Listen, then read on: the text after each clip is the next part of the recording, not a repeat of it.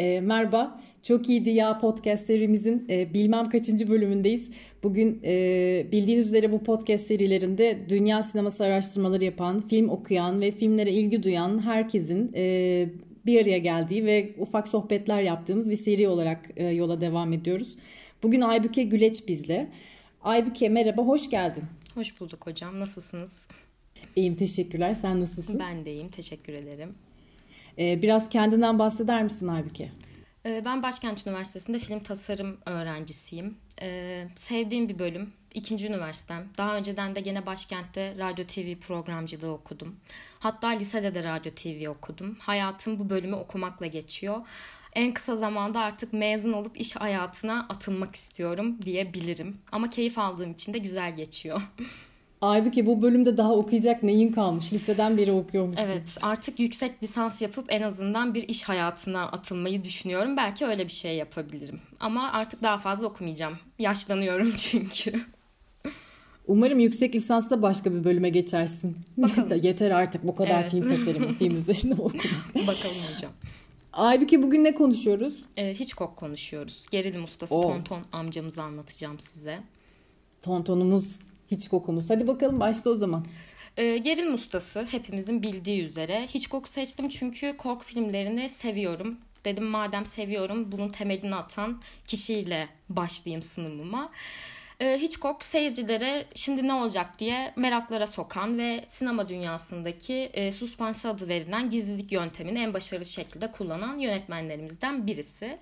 E, hepimizin bildiği gibi işte Sapık, Ölüm Kararı, Kuşlar, Arka Pencere, Vertigo gibi böyle kült filmleri var. Ee, biraz ailesinden bahsedeceğim çünkü ailesinin etkisi aslında yaptığı filmlere çok yansıyacak.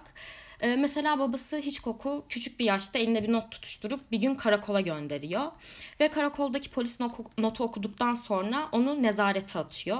Belli bir süreden sonra nezaretten geri çıkarıp ona diyor ki kötü çocukların başına bak böyle şeyler gelir bir daha kötülük yapma diyor. Ee, Hitchcock da bundan çok etkileniyor ve bu ileride filmlerine yansıyor. Çünkü kendisinde bir suçsuz yere cezalandırılma korkusu ve bir polis korkusu oluyor. Annesinin de aslında babasından aşağı kalır bir yanı yok. Onda da biraz böyle bir psikopatlık söz konusu.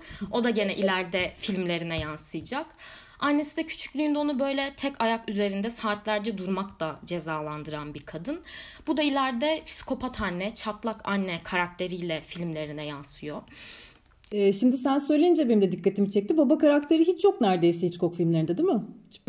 Anne vardır hep ama baba yoktur. Ee, evet yani genelde baba olarak değil de hani babasıyla yaşadığı bu suçlu psikolojisi aslında daha çok yansıyor. Yani hani suçsuz yere ceza alma korkusuyla filmlerine bu işliyor. Hani babası buna sebep oluyor diyelim. Yani Allah kimseye ailesini ilham perisi haline dönüştürecek bir şey Aynen. vermesin, hayat vermesin. Ama gerçi hiç kokuluyorsunuz bunun sonunda. Bu da güzel bir şey gibi sanki. Evet işte o yüzden yaşadığımız her şeyden bir şeyler çıkartıp aslında onu artıya çevirebiliyoruz. Bunu da bize öğretmiş oluyor kendisi. Onun dışında sinema sektörüne alakasız bir şekilde giriş yapıyor. Çünkü mühendislik eğitimi alıyor. Ee, çalışmasına sebep olan şeylerden biri aslında gene babası oluyor. Çünkü babasını çok erken yaşta kaybediyor ve ailesini geçindirmek için işe girmek zorunda kalıyor ve bir e, yerde teknik ressam olarak işe başlıyor. Ee, ilk yönetmenlik tecrübesi ise 25 yılında Alman-İngiliz yapımı Zevk Bahçesi oluyor. Bu da biraz hani benim çok sevdiğim bir tarz değil çünkü biraz müzikal çok eski bir yapım olduğu için. Ee, ve kendi ifadelerine göre gene çocukluğuna gideceğiz biraz ama çok kötü ve yalnız bir çocukluk geçiriyor. Çünkü çok dışlanıyor. Bunun sebebi ise aşırı şekilde kilolu olması. O kadar kilolu ki askere bile kabul etmiyorlar onu. Ve bu kilo problemiyle de aslında ömür boyu hep yüzleşiyor. Birinci Dünya Savaşı'na bile katılamıyor bundan sebep. Ee, bunun dışında ilk işi Henleys adlı bir telefon şirketinde reklam tasarımcılığı yapmak oluyor. Ve burada belli bir süre çalıştıktan sonra dergide bir şeyler yazmaya başlıyor ve bu da onun e, yazarlık kariyerinin başlangıcı oluyor. Ve bu sayede yavaş yavaş derken e, bu sinema dünyasına aslında giriş yapmış oluyor. Ee, tabii böyle gerilim ustası falan filan diyoruz ama çevresi tarafından da biraz şakacı olarak bilinen bir tip ama şakaları da pek hoş değil. Mesela bir gün bir film setinde e, oyuncuları bir sahne gereği kelepçeyle birbirlerine bağlamaları gerekiyor ellerini. Hitchcock bunu yapıyor ama daha sonrasında o kelepçeleri çıkartmıyor ve yaklaşık 2-3 saat boyunca o kişileri bir arada tutuyor. Ve canı sıkılınca tamam artık ben sıkıldım hadi deyip kelepçeleri çözüyor.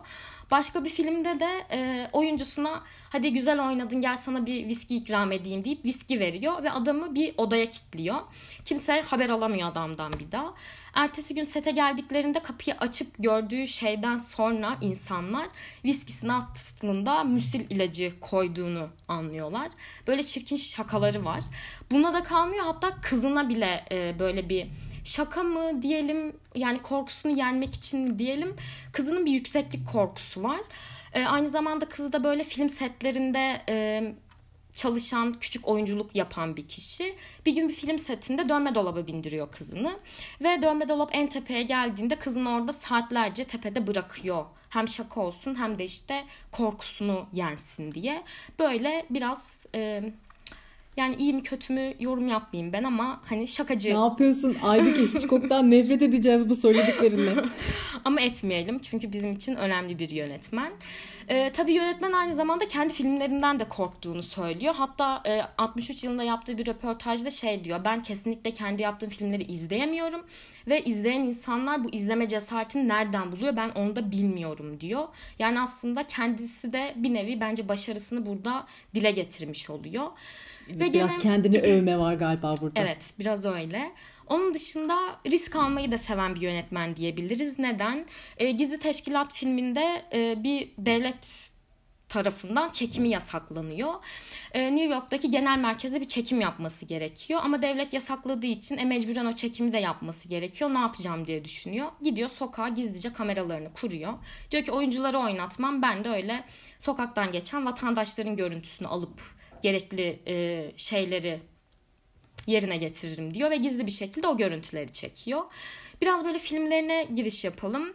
E, Sapık filmine geldiğimizde en ünlü filmlerinden birisi bir kitaptan uyarlanma e, bu film. E, Hitchcock da bu filmin büyüsü bozulmasın, insanları o muhteşem sonunu öğrenmesin diye bir psikopatlık yapıp kitabı e, piyasadaki bütün kitapları satın alıyor ve insanların ulaşımına engelliyor. Bunu da çok güzel başarıyor. Hatta insanlar sinemada o kadar etkileniyorlar ki filmden bayılanlar falan oluyor filmde böyle. İnsanların hani e, o korkuyu çok başarılı bir şekilde veriyor. Tek bu filmle de kalmıyor. Kuşlar diye bir filmi var. O filminde de bunu çok başarılı bir şekilde yapıyor. Bunda da filmi izledikten sonra insanların kuşlara karşı böyle fobileri oluşuyor, psikolojik destek aldığını söyleyenler bile oluyor. E, ve aslında çok da başarılı bir film oluyor. Çünkü böyle e, kapalı gişi oynayan filmlerinden birisi oluyor. Hatta e, sette bir sahnesinde filmin kuş saldırısına uğraması gerekiyor oyuncunun ve gerçekten uğruyor oyuncu ve böyle ağır yaralar alıyor. Onun iyileşmesini falan bekliyorlar hatta. Ee, onun dışında çok sevdiğim hani böyle çok psikopat bir yanı yok film aslında benim en sevdiğim filmlerinden diyebileceğim Arka Pencere filmi var. Yani neden seviyorum? Belki de ilk defa tanışmama sebep olduğu için Hitchcock'la bu filmi seviyorum. E, bu filminde de başarısını şöyle görebiliyoruz. Çok sınırlı mekanda geçiyor film. Bacağı kırılan bir gazetecimiz var. Bacağı kırıldığı için evinde oturmak zorunda kalıyor ama sıkıntıdan dürbünle komşularını dikizliyor. Ve dikizlerken mahalledeki karanlık olaylara tanıklık ediyor. Ama sınırlı mekanda geçmesine rağmen yani filmden böyle sıkılmayıp ne olacak şimdi falan diye böyle keyifle izliyorsunuz ve aslında hani başarısını da çok net anlayabiliyoruz buradan. Evet Arka Pencere benim de en çok sevdiğim filmlerden bir tanesi. Hakikaten belki de o renkleriyle falan da alakalı olabilir belki. Çok sıcak bir ortam yaratıyor. O avluya bakan e, şey evin işte arka penceresi, hı hı. eve giren çıkan işte gazeteci bilmem ne falan e, bir sürü karakter var içinde. Ben de bayağı beğeniyorum şeyi. E, arka pen, pencere bir en de güzel filmlerinden e, hani bir yandan şey de olabilir. Hani kendi açımdan söylüyorum ama mesela etrafı ve mahalleyi aslında tam anlamıyla görmediğimiz için ya şimdi ister istemez böyle kafamızda orayı bir hayal edip hani şuradan mı şuraya çıkılıyor şurasında ne var gibi bir kendi kafamızda o dünyayı oluşturuyoruz. Bence bu da bir artı sağlayabiliyor film için. Ee, başka bir filmi Vertigo var. O da çok önemli filmlerinden biri. Ee, Vertigo'nun da tıp dünyasındaki e, anlamı baş dönmesi anlamına geliyor. Yönetmen bunu filmde de çok etkileyici bir şekilde dolly zoom e, tekniğiyle veriyor. İzleyicinin başını çekim hareketleriyle döndürebilmek adına ve sinema dünyasının aslında ismini çok net kazıdığı e, tekniklerden biri oluyor. Çünkü bu kullandığı teknik e, vertigo efekti ve Hitchcock zoom olarak tarihe geçiyor ve unutulmuyor asla. Bunun dışında ismini kazıdığı e, bir tekniği daha var. Aslında kendisi bulmamış bu tekniği ama keşfedilip kullanılmasını sağlamış. Bu da McGuffin tekniği. Bu da aslında hepimizin bildiği bir şey ama farkında değiliz. Ee, izlediğimiz filmlerde böyle hep gözümüzün önünde olan nesneler. Yani karakter için önemli olan nesneler ama biz hani çok önemli olmadığını düşünüyoruz o nesnelerin. Ama filmin sonunda aslında çok önemli olduğunu ve filmin çok büyük anlamlar barındırdığını anlıyoruz. Bu da Hitchcock sayesinde e, sinema tarihine geçiyor ve birçok filmde kullanılıyor. Mesela örnek olarak e, Harry Potter'ın felsefe taşı veriliyor genelde. Hani daha akılda kalıcı olduğu için. Ee, onun dışında gene hiç unutulmayan kendi teknikleri arasında sayılabilecek e, her filminde bir 5 saniye kendini göstermesi var yönetmenimizin. Bunu aslında yapmasının sebebi bir zorunluluk çünkü oyuncu eksiklikleri var ve hani görüntüleri çekerken boşluk görüyorlar. Aa şurada işte şöyle bir adam olsun da hani ekran dolu dursun diye buna girişiyorlar. Ama daha sonrasında e, izleyicileri bunu çok seviyor ve tuttuğunu fark ediyor yönetmen. Ve diyor ki ben bunu hep yapayım. Ama bir süre sonra da şunu fark ediyor. İzleyiciler hiç koku biz acaba nerede göreceğiz diye film boyunca onu bekledikleri için filmden kopuyorlar. E, yönetmen de bunu fark ettiği için diyor ki ben ilk 5 saniye kendimi göstereyim. izleyiciyi de daha sonra bırakayım rahat rahat filmi izlesin deyip hep ilk 5 saniyesinde kendini gösteriyor.